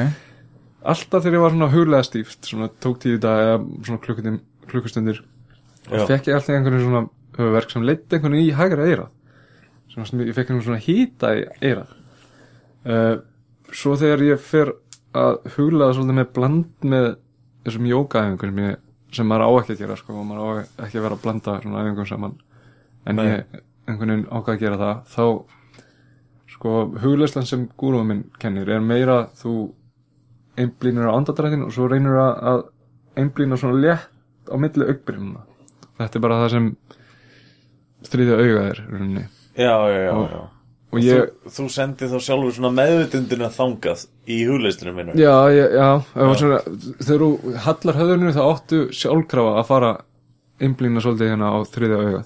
Það, það, það gerist sjálfkrafa já, já, já, það, já en ég veit ekki alveg hversu þú ert að einbynda þér og, og svona, já, þú þarf samt einhvern veginn að halda uh, allan fút frá mér, þá þarf maður að halda svona einbynningu og, og ég tók einhvern, einhvern tímann tíu daga heima á mér þar sem ég var að blanda þessu saman sem sagt, huglislinu sem ég lærði hann í Belgíu og svo þessu. Og, og á fjórða eða fymta degi þá fer hérna þessi hausverkur. Einhvern veginn leiðist ég finn alveg svona bara beina línu frá hausverknum í hérna, Í auga. já, bara hérna á, á ennið einhvern veginn, ég finn bara svona kúlu og svo svona einhvern veginn svona tengingu í í, já eitthvað, eitthvað fyrirbæri. En ég held alltaf að ég var með bara æxli eða eitthvað. Þess vegna væri ég með svona, og það ég gæti svo rosalega fundi, uh, fundi svo rosalega vel fyrir þessu. Ok, En ég held þetta sé bara hérna, ég veit ekki hvað manni hvað þetta heitir á pineal gland þetta, þetta, Ah, Það Pineal gland. Gland já. einhver heilastöð sem var með svona næstu því sprungna peru og svo allt í hennu kveikna á henni Þetta er sem sagt litli ég held þessi litli heilin Li, Já, og þetta er, þetta er alveg ef þú fer að kynna þetta þá er þetta sem sagt auga, augað í Ra það æg á Ra í hérna Egyptum. Mm. það er til dæmis litli heilin Mm. og, og þetta er hérna Descartes talar um að sálinn hafi komið þannig og þetta er einhvern veginn, já bara tengt þú, þegar þú ert að huglega þá ertu svolítið ég veit ekki hvort maður sé en, en þú ert svolítið að, að þjálfa held ég þennan litla heila. Þetta er svona litla heilin er líkilinn að Þa, og það er bara þetta svæði hérna fyrir framann uh, já, eitthvað svona inn í. Ok, að því, að því sko, ég veit ekki hvort það tengist þess eitthvað en, og þetta er, þetta er bara stutt saga en ég fór eins og í nudd í Tyrklandi. Og þetta var svona full body nudd sem endaði með því að, að gæinn nuddar hausin á mér. Svo hennar svona færi sig svona alltaf nær og nær svona hausnum happy ending. Og, og hann svona Nei, það var happy ending af því, hann, af því hann endar á ennin á mér. Hann er svona eitthvað að fara hringin í kringum ennið og svo endar hann með að svona Talaði með að svona, svona pota einmitt á þú veist þarna í miðuna potar svona og, og hann er bara pota og hann er bara pota og pota og pota og hann er bara, hann heldur bara puttanum og ég er bara, hvað er að gerast? Hann heldur puttanum ennin á mér í svona fimm mínútur eða eitthvað bara á meðan við eigum að vera slaka skilur og svo þegar ég opna og ég er bara svona, ok, nú er komin á ég opna augun, það er engin putti hana þá var þetta bara þrýstingurinn helst bara í á þessu svæði. Hann, hefur, hann hefur einhvern veginn náða bara að tróða allir þreytunu eða eitthvað svona allir, allir saman og bara einhvern veginn svona kannski rétt ítt svo bara svona trítlaði í burtu eða eitthvað. Að því, að því þetta var bara í fimm mínútur bara straight bara meðan ég var bara svona e- e- eitthvað, and now relax. Og þá held ég hann stæði bara þarna með puttan á ennina mér. Og, og þú veist, ég geti trú að þetta sé eitthvað svona svipað því ég fann fyrir einhverju. Mm. þetta er ábygglega nákvæmlega saman sko. Damn. Þannig, þannig ég er líka svona jókagæi.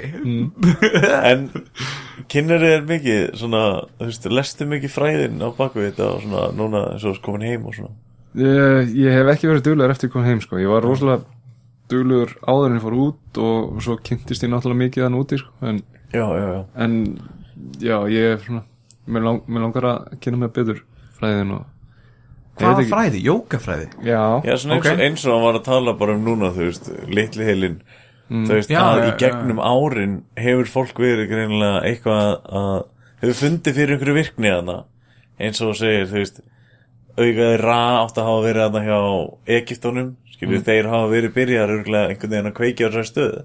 Það er hérna sko þeir það var uh, lagt sem skilir fyrir þá að þau myndu þjálfa þetta auga áður en farið í að, að kynna sér uh, sem sagt lestur eða svona knowledge. Já, já, já. Þá þurftu þeir að þjálfa þetta.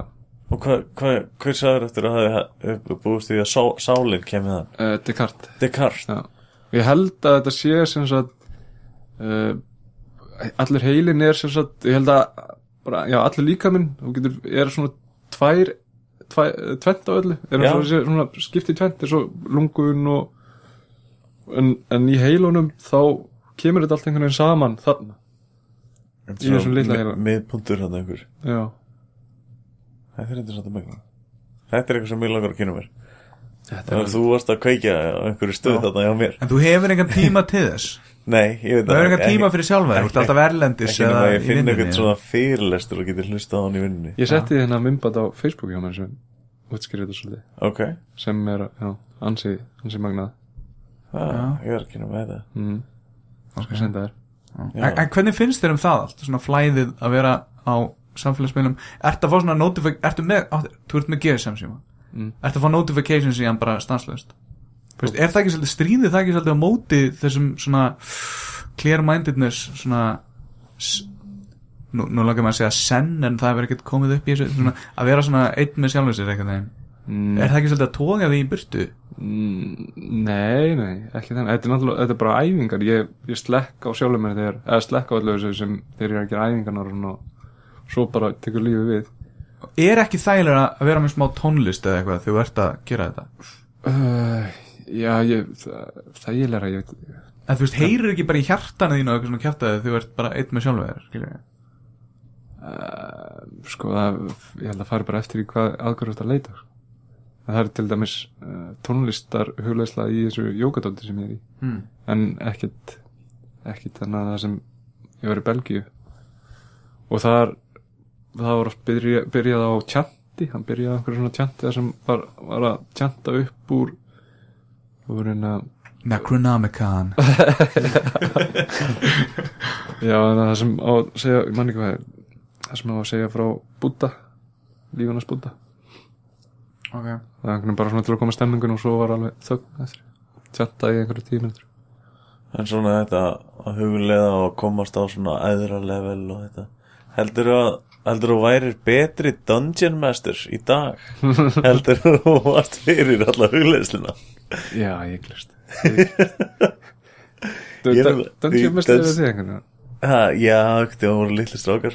Ég er nefnilega að finna þér að hérna, Ah.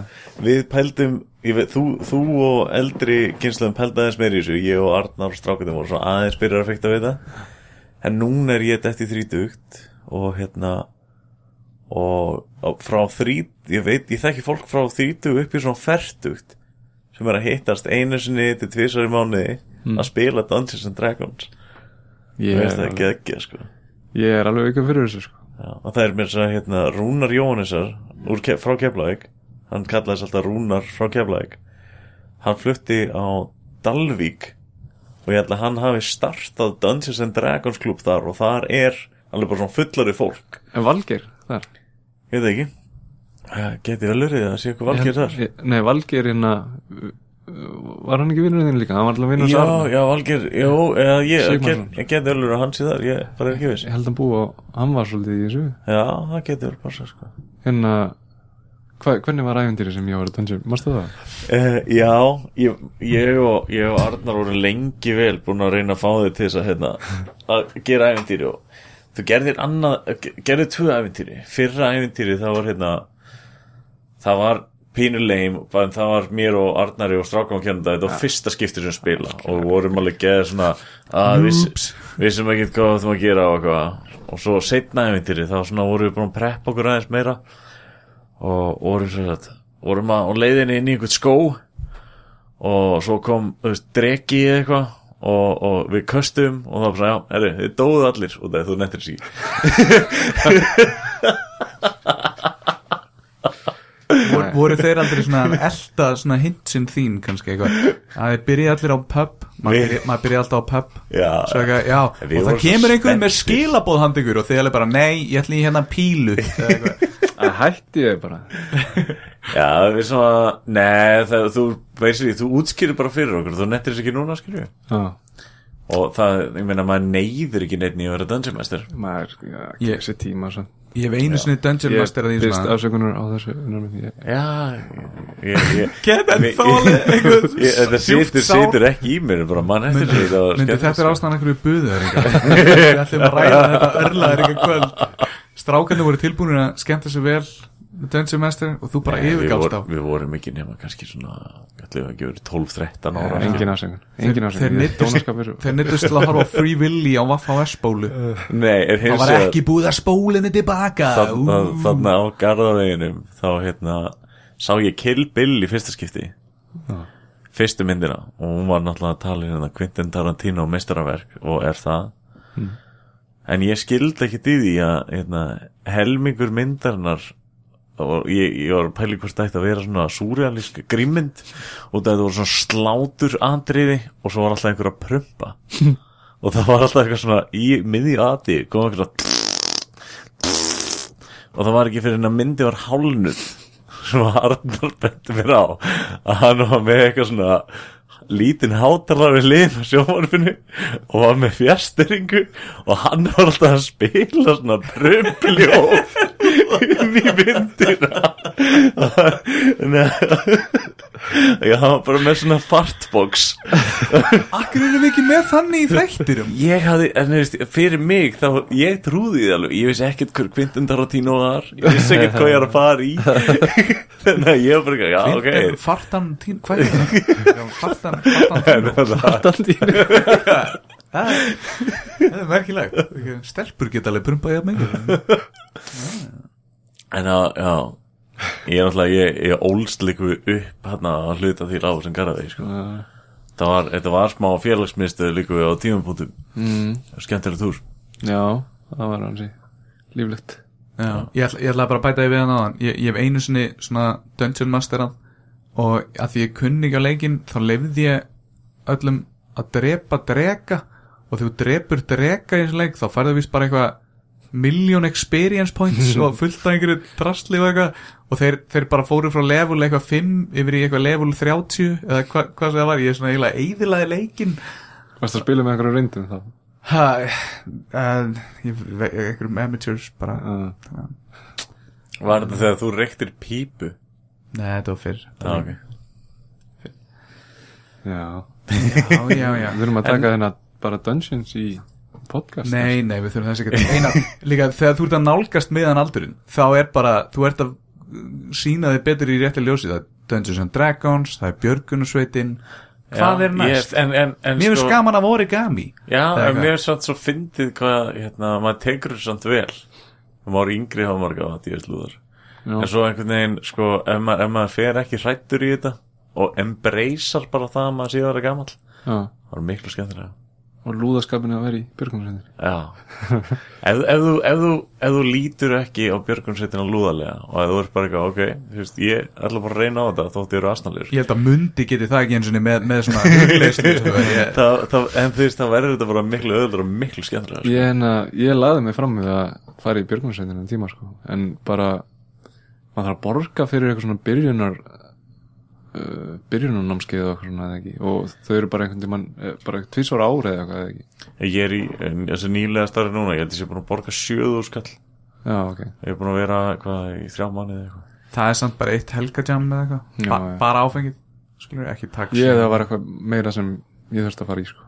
Já, að, ég, ég, svo er maður búin að gera helling Ég er búin að vera eitthvað að hangandi utan ykkur húsum Stökkund út í sjó og bátum Hellaskóðunum, búin að lappa fullt af fjöllum og Já, mér fannst, já, svo ég, svona, formaður BDSM samtakana að kenna mér fyrstu hjálp og eitthvað.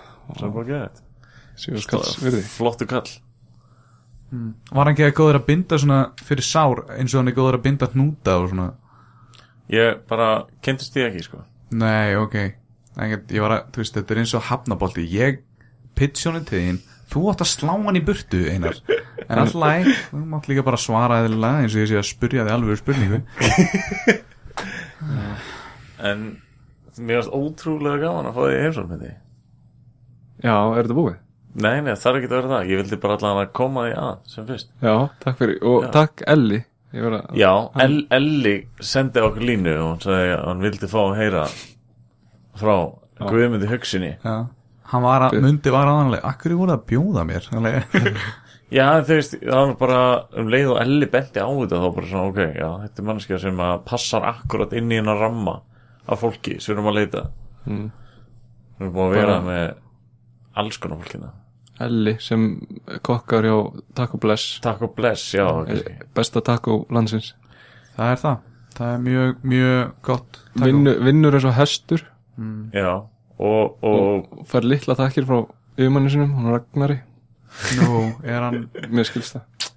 En, en hins vegar sko í dag er þriðdagar og þegar við tökum þetta upp og á þriðdagum hjá Taco Bless já, þá er einmitt tilbúð á tacos. Nú? Já, og þá að séu þrjár tacos á uh, 15. kall. Og þetta pældur bara í því. þú ert eitthvað, þið langar í eitthvað sveitt eða ekki eins og sveitt, þið langar bara í eitthvað gott þú er bara eitthvað, æ, heyrðu það er þriðast tilbúð á Dominos svo ferðu, kíkir í appið á Dominos heyrðu, þeir eru ekki með tacos. Hvar fæ ég tacos? Þú fær tacos á Taco Bless. Þetta er, ekki, þetta er svona fítmatur þetta er ekki þessi sveittimatur þetta er svona, þetta er fítmatur mjög fít Hefur pælt ég að fara samt í jóka nám, þú veist, tengt líkamsræktin erum við byrjaðar að taka upp það? Já, hérna, segð okkur hvað hefur, hefur pælt ég að fara í svona jóka líkamsræktar? Uh, Já, algjörlega. En hérna þeir, þeir bjóða upp á uh, jókakennslu eða þú getur verið orðið jókakennari Mm. það, það er uh, sex mánu já, fimm mánu bara mjög stíft nám. Og svo er jókaprógram sem þú tekur sem er svona meira líkamlegt. Jógram. En núna vorum við með ásonu vinkun okkur undan daginn og hún fóru með þetta á það tantra námskeið í Svíþjóð. Já. Já, Sven og Skelbi tantra saman. Og hérna tengist eitthvað það inn í þetta, tantra, kamara, kamara karma sutra eða eitthvað svona það er náttúrulega, helst þetta ekki allt í hendur. Jú, jú, það er samt hérna, það er ekkit svona kynlífstótt tengt þessu sko. Nei, en þið tala um að tantra sé bara orð yfir uh, tækni. Það er einmitt það sem að Ásson sagði nefnilega líka. Já, þetta er bara tækni sem þú notar einhvern veginn til þess að koma þér á aðri, á aðri stall hún er með líst þessu svolítið þannig að þú veist, þegar að fólk heyri tantra þá er ekki, oh yeah mm. en þú veist, þetta námskeið sem hún fór í það var hérna meira þess að kynast sjálfur sér sá hann, þetta er og bara læra svona á sjálfan sig svona tantra eða þú talar um tantra þú ert til dæmis að nota orkuna á einhvern á- ákveðin hátt og, og svona bara sem einhvern veginn tækni ég, þekki þetta ekki alveg sko en nei, nei. Er einhver sjakra í, þú veist, kynfærin? Uh, já, ég held að það sé uh, grunnsjakra sé þar. Já, þetta geti, geti svo, passa svo fer það ofar Hmm. þannig, og til dæmis uh, fyrsta svona námskeið sem hún ferð í, í gegnum hérna, það sem Isja stofnuna sem Sadguru stofna, stofnaði, það er þar lærir svolítið að vinna með grunnsjakra En það er enginn af gæinu sem er að vinna það eitthvað að koma við þig þarna eða eitthvað að nutta sjökurinn í ganga eitthvað. Nei, ég er bara að spyrja, skilju já, já, já, ég að, veit það, ég er bara að hlæja. ég er alveg sem að áheyrendur eru líka að spyrja, sko. Já, já, og gæi er bara sveifla í titlingnum hann að það er ringi En ég meina kannski að þetta bara fljótasta leiðin bara fljótasta leiðin til að opna þú veist, þess fyrstu sjökurina það er bara, þegar einhver grípur um pungina er byrja bara að opna hana, skilju en sko þegar þú talar um grunnsjökruna, þú veist, það er ekki þetta er bara verið að tala um þessa staðsendingu líkamannum þú veist, þú Bjarni voru átt að því að þú veist, þú horfir á líkamann og það er þessi staðsending á líkamannum Já, það getur, er þetta að horfa framan á mannskinu eða aftan á hana? Það er ekki bara grunnsjökran á þessu svæði, skilju? Þú gætir verið að erta grunnsjökruna þína þegar þú ert að skýta öllu þessu hot sauce ég sem geri þú það Já. nær daglega Þannig. á dag okay. ég, stundum eins og ég sagði um daginn sko, þá kúka ég ekkert yfir heilan dag tek sér alveg þrjá fjóra daginn eftir sko. þetta er búið að vera svolítið furðulegt upp á síðastu daga en þú ert Já. svolítið jóki í þér Jóki með brúndi bróki Þetta segja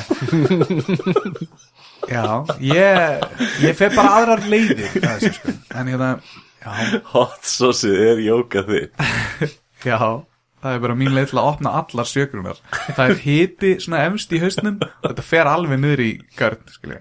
en er þá engin sjakar þú veist hjá tánum? Alveg neðsti gæin er bara þú veist, Jú, jú, jú. Er það? Ég er kannski að lefa hún og svara nei, ég, nei, það held ég ekki sko. Ok, ok, það Er, er, er ekki, hérna, ég sé svona mappa sem að, þú veist, ef þú nutta stóri tóna þá ertu að nutta heilan. Já, þá nutta hinn næstu tóna þá ertu að nutta eitthvað axlirnar. Ég, ég ég veit, náttúrulega þau sita alltaf með fótinn hjá sjakran það er svona já, þá er ertu í neðstu stöðu með allt saman bara einhvern veginn. Já, ég, ég veit ekki sko. Jartengir í róubeinið hálfbest það er hérna stellingin er að þú ætti að vera með vinstra hælinn eila upp við hérna, hvað heitir þetta, hérna á milli. Spöngin. Er þetta spöngin? Ekki, undir pung, ekki rass eitthvað sem Gútsið gútsið Gútsið Gucci, Gucci Það vex alltaf svona, svona búmannshali þarna. Já, það heitir búmannshali það er svona, það er svona smá hali sem fer þarna á milli. Þetta er svona eitthvað sem þú þarft ekki endilega að snutta en það er svona vænlegra skilji Það er svona vænlegra Þú vilt ekki að sé að flækjast í eitthvað Já. Það er vænlegra að Er- snirta er það ekki svolítið persónubundið bara? Jó, jó, ég fer, ég fer aldrei alla leiðin að hanga með sköfuna sko. Ég er bara aðalega á pungsvæði og farðu vænan bú, búmannsala Ég er alveg með smáan í gangi sko og ég meina þú veist það getur alveg verið dörti ef það ef það fer smá dill í Hvort, já, þú veist, ég ætlaði að spyrja Hvort skeinur er aftur eða fram Það er eiginlega bara stundum bæði sko og, og hérna það er voðalega eftir hvernig eh, hvað var að gerast sko. Að því sko Já það er, ég er náttúrulega reyndur uh, dillari og kúkari og, og hérna ég, ég bara fer ímsar leiðir skilur það er best að vera með svona fjölþætt vopnabúr þegar þú ert að hreinsa þetta svæði sko. Glaut klúta Ég nota reyndar ekki blöytklúta en ég á það til að bleita klósupapirinn og fara með blöytan pappir það á það til að svona skilja eftir svona Já. bita sko. En þá tekur bara næstu skilur ég er mjög, er, þetta er mjög stórt kóletninsfótt getur verið með bara þvóttubóka svo bara skóla þvóttubóka segðu mig hvernig þú fyrir það með þetta, er það Three Seashells eins og í Demolition Man eða hvað sem það var hann er ekki Demolition Man? Ég hef ekki séð hana. Ég ekki. Séð Demolition Man? Damn, Eh, Stallone og Snipes. já, jú Nei, Nei, var, var það hún með, þannig að þið fóru í framtíðina og, og, og það var ekki klósipapir til. Þið voru bara með þrjár svona sjáarskeljar svona. og, og djókunni í gennum myndina var að hann kunni aldrei að skeina sér af því hann kunni ekki að nota seashells. Ég held að hann hef ekki kúkað alla myndina. Nei, nei, nei, hann notaði, hann notaði einhver svona vélmenni svona blótsyrða vélmenni sem gaf hann sekt og hann svona, svona blótsyrðaði í átt af vélmenni og þá gaf hann honum sektir og þá notaði hann að skeina sér. Góð mynd sko Ég var reyndar sögu á hérna að manni með harlífi Mér sem finnir hvað gestinir okkar fá aldrei að segja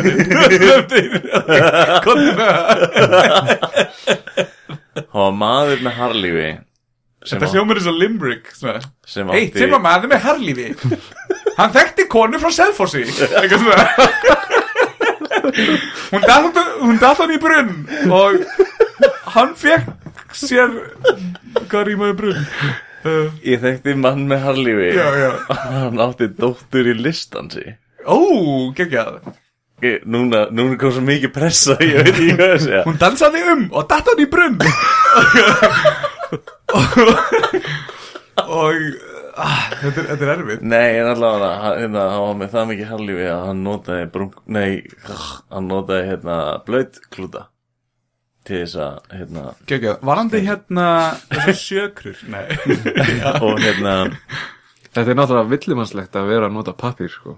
Ef þú myndir fá kúk á höndina þér þá myndir þú nota pappir til að þrýfa Nei, hann myndi þrýfa það. Bara með vatni. Já, það námar að gera það. En ég þú veist, bara vera- rassin perspýrar meira heldur en sko handlegurinn að þér. Það er vökva flæði í gangi hana Það er raki sem en, svona en hjálpar þú færð kúkin svona á út um En þú veist, skeinir þú ekki alveg þannig og kíkir ekki á hann og svona, herru, hann er hreitt Hann er já. alveg hreitt nú er hætt, nú er nú komið. Já.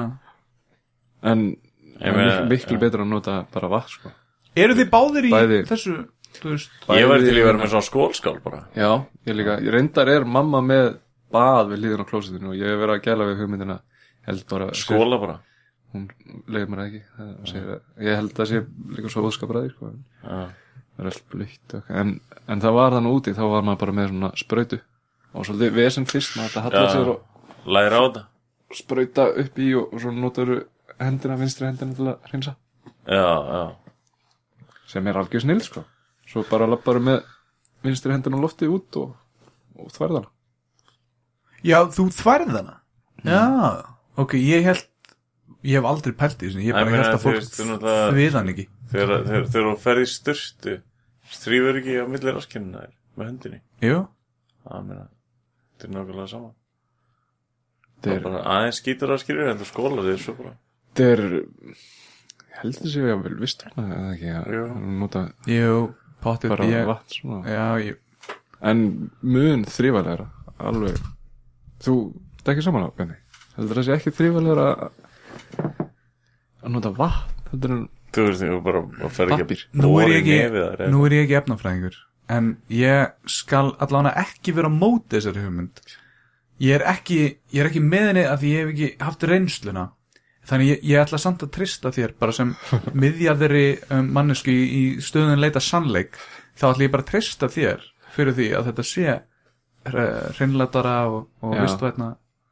Ég skal bara alveg og myndi prófa alveg sko. leggja líf mitt af við já. að því ég hef alveg óvart kúkað smá á hendina á mér sko. Veist, þegar maður er að hreinsa og það fór svona aðeins meira út um allt en maður ætlaði sér já. og maður svona rekst í og það bara, herru, það var kúkur bara alveg á kinn. Þefaru til að tjekka hvort það hefur verið kúkur. Uh, já, annarkvæmt er þetta kúkur eða Nutella, skilju, og maður það bara að taka sénsinn og smakka eða, eða hérna skeina. Í á, á ellheiminum erum við með svampa. Bleitna þá svo setjum við fróð í og svo hendar hendur bara svampanum í, í, í ruslið. Í baði eða á svolítið- eða plósaferðin Svo þið óvistvænt það er óveist já.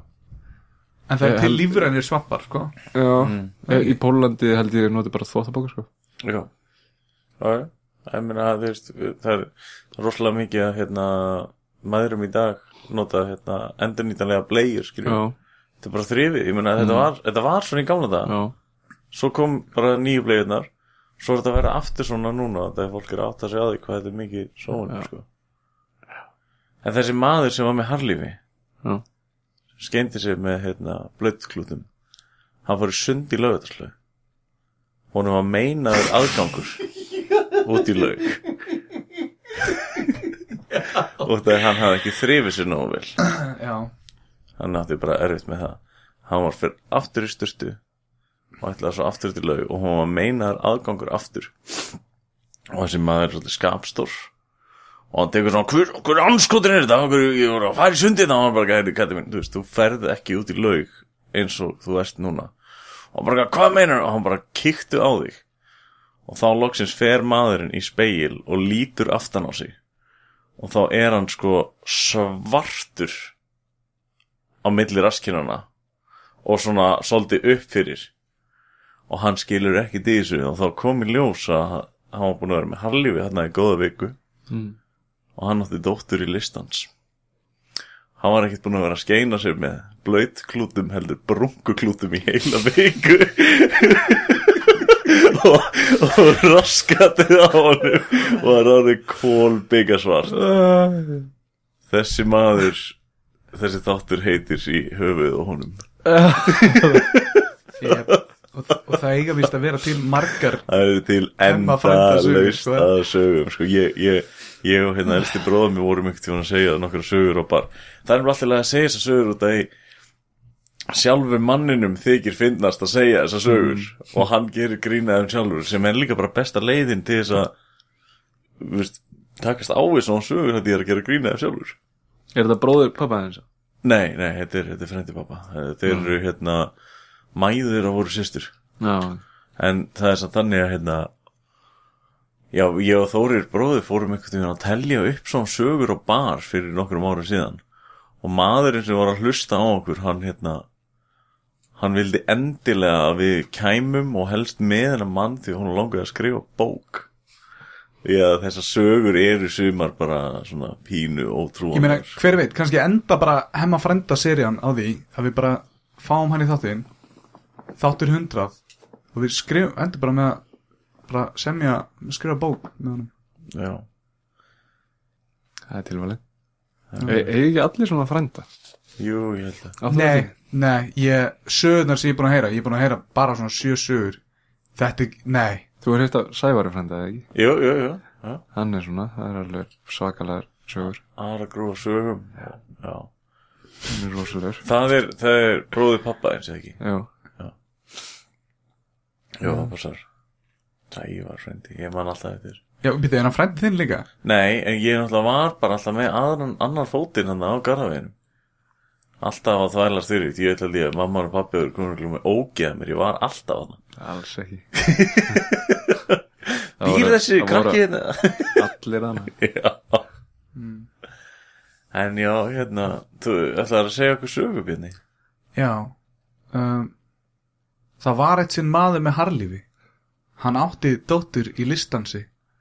Þegar kúkur kom út Þá notaði hann klút Og var rekin upp úr lögadals lauginni Ekki þetta séðans Ok, nei, sagan er sko, Ég kann ekki á svona limericks. En Þetta var næsti, þetta var næsti. Hérna, Ég var að leiðin í vinnuna um daginn. Limericks, er það ennska yfir limru? Limra. Já, örgulega, ég veit það ekki, ég heyrði það bara í, ég var að horfa á The Crown og þau voru í einhverju limerick keppni Ég, ég lendi reyðrildi um helgina í við Íslensk slangur og En, en enn mín, slangur. Hva, hvað með söguna mína? og ég var, ég, ég þurfti að gist í herbyggi með áttamanns, kójur og svona og vorum að djóka með veist, þetta er fólk á svona missi- misjumur aldri. Og hérna, það sagði eitt strákur hann sagði bara, ég held ég þurfa að fara heim og lesa snorra þetta bara til að fá íslensku skamti minn sem týndist þessa helgi og það er ungi krakkar sletta svo mikið og þetta eru svona úlingskrakkar sem að sletta alveg rosalega mikið og já, maður heyrði það mjög stert en það var samt eitt sem var með eitthvað í toppstykkinu og það hann svaraði gæjanum með því bara hvað er íslensk tungumál annað en danst og ennst slangur? Og þú veist þetta er ótrúlega mikið íslenskum orðum sem eru bara sýstur orð dönsku orðana sko. Já, en sko, en sko grunnurinn okkar er norsk uh, írskur eða eitthvað svona, skilju, þetta er gamla norskan og eitthvað, en, en, en, en já, en já, ég skil, ég skil þróunin, sko, dan, danskan og, hérna. For þísk Ka- þú veist, það er til einhver svona plata, skilju, einhvers stað að byrja þetta, svo dreifðist þetta hinga og eitthvað svona, en sko, ég veit bara að gena samsetningin á Íslandingum var einhvern tímann 60-40 nost íst, eitthvað svona, cirka, Já, já, það var út af við hérna og, og, vikingar Já, heldur við höfum tekið mikið að ambotnu frá Írlandi já, já, já, við komum við þar og eitthvað svona, já, Já. það var eitthvað. Þess vegna er svona mikið að rauðhærið fólki á Íslandi, skilju, ó, við ætlum að reyna að hætta að gera grína rauðhærið þetta, Þú ert svolítið rauður ég er svona rauður í skegginu og hvítur og eitthvað svona, Ég er reyndar svolítið líka í skegginu. þetta eru, eru kartöflu garðarnir heima sem eru að láta sjá sig á andlutinu á okkur. En ég var að leiðin í vinnuna og hérna það var sagt, það voru svona bílar að, keira sko. Og það er svona, það er byrjað að verða svolítið kalt og svona svolítið hált og maður þarf að fara svolítið vallega þannig að það voru bílar á svona góðri ferð og svona góður 70, 80, 90 að keira þarna á 70 kaplunum sko. Örgulega svona eitthvað kringu það. Og svo svona snarhemlaði niður og hérna, og ég er svona pæli hvað er að gerast? Og ég hemla, ég er alveg vel fyrir aftan að ég er aldrei í raskatana fólki. Ég keiri bara svona alltaf, já, svona almennilegri fjarlæg því ég er svona maður sem gefur stefnuljós keiri almennilegri fjarlæg fyrir aftan annað fólk og er bara mjög svona uh, skinsamri í umferðinni. Og svo svona sé ég að það er eitthvað svona köttur að hlaupa þarna framhjá ég alveg, já, ok, þetta brúta kettinu þannig ég fyrir valega, passa, passa keiri ekki veist, á köttinu og svona. Og ég fyrir hann inn á bílastæði sem er hérna rétt hjá og ég finn mér hérna bílastæðið og legg þar og eitthvað svona. Og svo er svona bankað á gluggan hjá mér. Og ég skrúa niður og þetta er kötturinn. Og hann segir, mjá ég fara með. Hvað, leist hann um Nei, en þá sagði ég, þú veist, ég er bara að fara í vinnuna ég er ekki að fara neitt út. Og hann sagði, Hmm. ok, þú veist. Já, þannig að Ég snýtti mér í mækin En það er, það er samt köttur á það sem er að upp á svæði og ég held hann sé bara búin að vera að reyna að komast út bara allt sitt líf. Þú hefur ekki sagt mjá. Nei, því ég var ekki að fara út, ég vil ekki ljúga honum þú veist, ég stend fyrir sannleik og alltaf, ég er búin að segja ykkur það. mm. fer heldur að ljúga þessu. Og að, að kettinum eitthvað, mjá þú mátt. Og svo fyrir vinnu og ég ekki mjæ, ég er bara fyrir vinnuna. Eitthvað, mjánuna, nei, ég veit ekki. Ég veit uh, ekki hvernig kettir talar Við erum búin að heyra sniglinu sem var með dólslæti inn á bar? Nei, hvernig, hvað gerist með snílinn sem hann ég, dóksleiti ég inn á bar? En en að barþjóninu var bara komin á honum og henda hann út. Svo árið senna kemur snílinn aftur. Hvað er málið?